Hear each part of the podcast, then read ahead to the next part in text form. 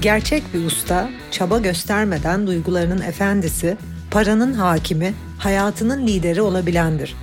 Ben Nevşah. Sana ustalık yolculuğunda eşlik etmek için buradayım. Yola çıkmaya hazırsan Ustalar Sınıfı podcast başlıyor.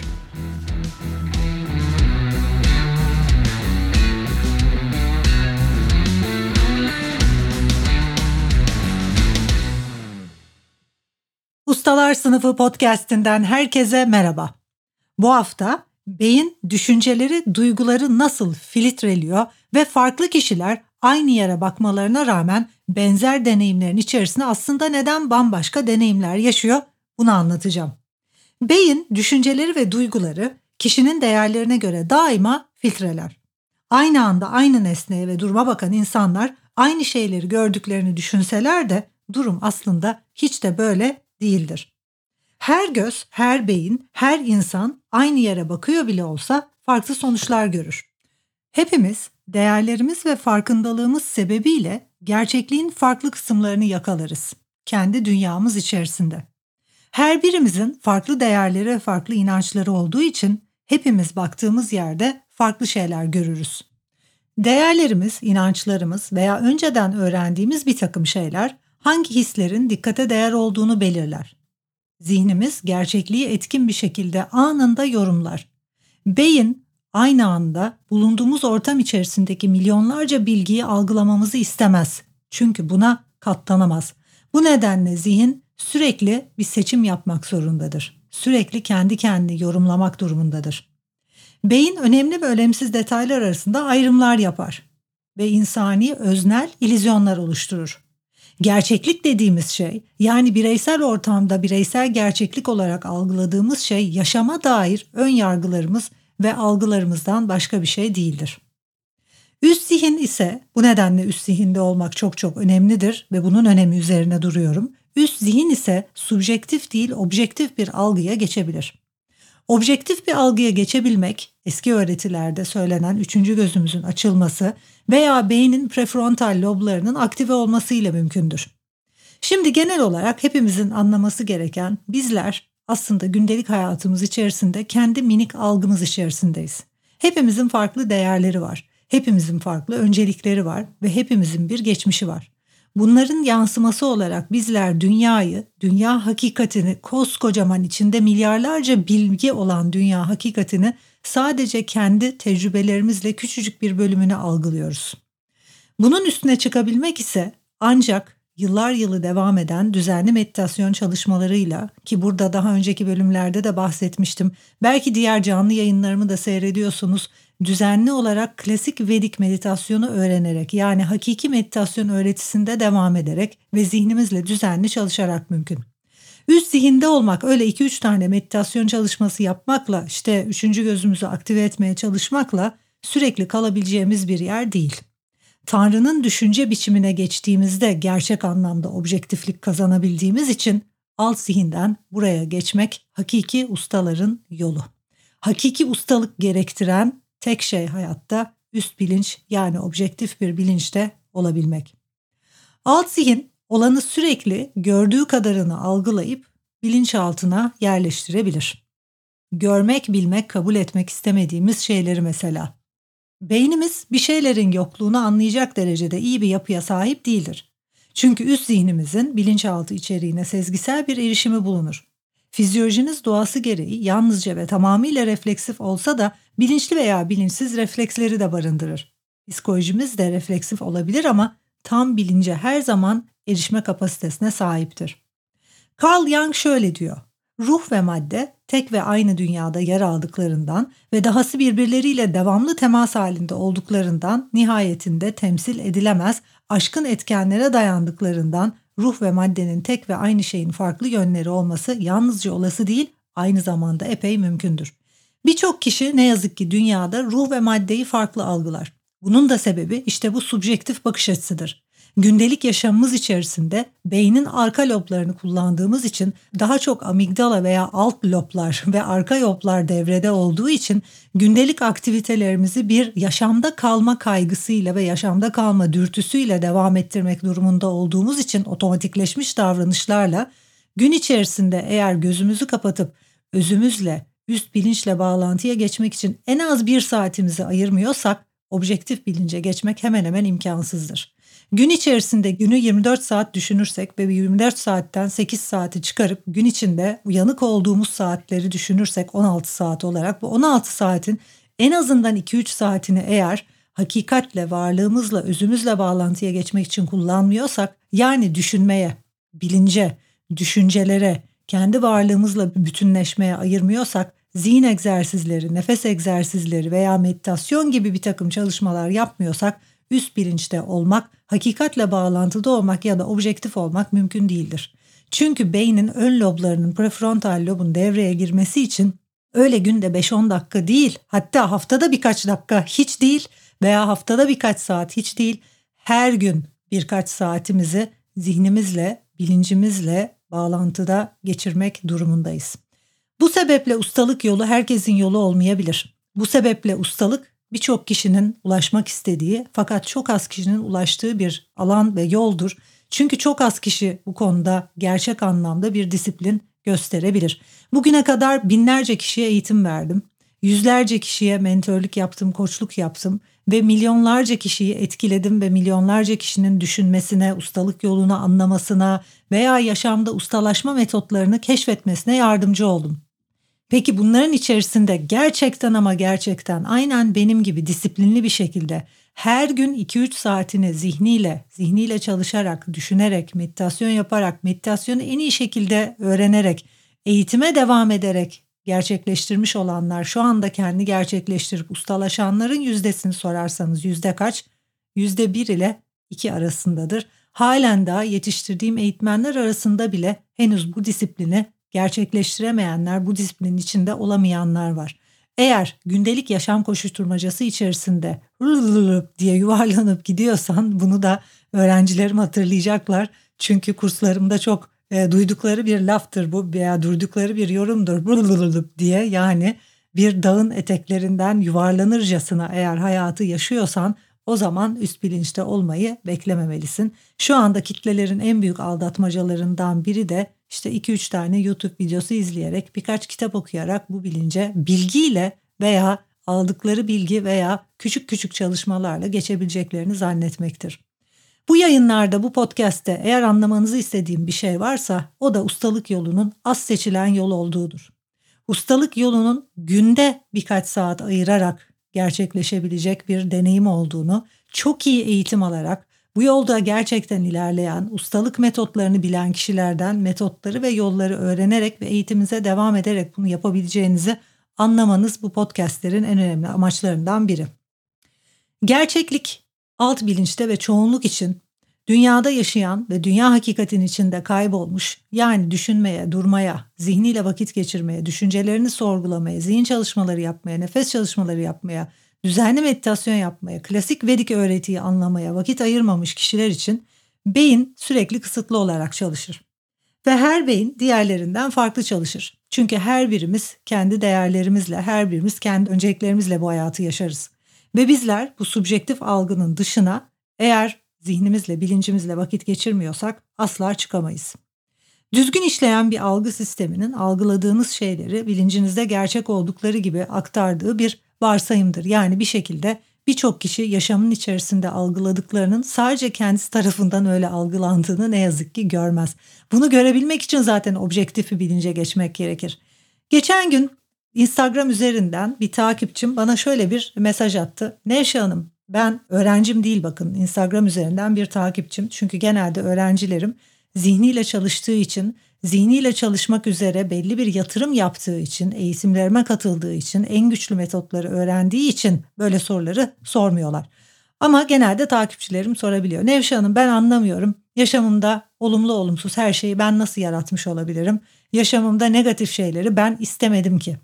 Ben de ona şöyle cevap verdim. Zaten yaşamımızda negatif diye bir şeyin olmadığını, pozitif ve negatifin olmadığını, olumlu olumsuz hiçbir deneyimin olmadığını ve yaşamın tamamının yaratım kaynağının kendimiz olduğunu, bilincimizin yansımasını yaşadığımızı, yaşamımızdaki irili ufaklı bütün ama bütün deneyimleri isteyerek ruhen ve özümüzle gerçekleştiriyor ve yani yan yaratıcı olarak deneyimliyor olduğumuzu anlamak belli bir aydınlık bilinç seviyesinde ancak gerçekleşebilir. Dolayısıyla çoğunluk zaten bunu anlamaz diye cevap verdim. Çoğunluğun yani bu anlattığım belli limitli beyin algısında olan, beynin alt loblarıyla yaşayan, survival instinct denen, hayatta kalma güdüleriyle sürekli hayatı yaşayan ve sabah kalkıp yuvarlanarak giden, düşünmeyen, düşünmeye vakit ayırmayan, düşüncelerini sorgulamak, zihnini sorgulamak, zihninde ustalaşmak için eğitimlere katılmayan, iyi metotları öğrenmeyen, bu yoldaki rehberleri takip etmeyen, meditasyon yapmayan, meditasyonu öğrenmeyen, nefesiyle çalışmamış. Yani böyle bir kişinin zaten genel olarak hakikati algılaması, objektif bir bilince geçmesi veya bütün bunların sebebi benim demesi neredeyse imkansız.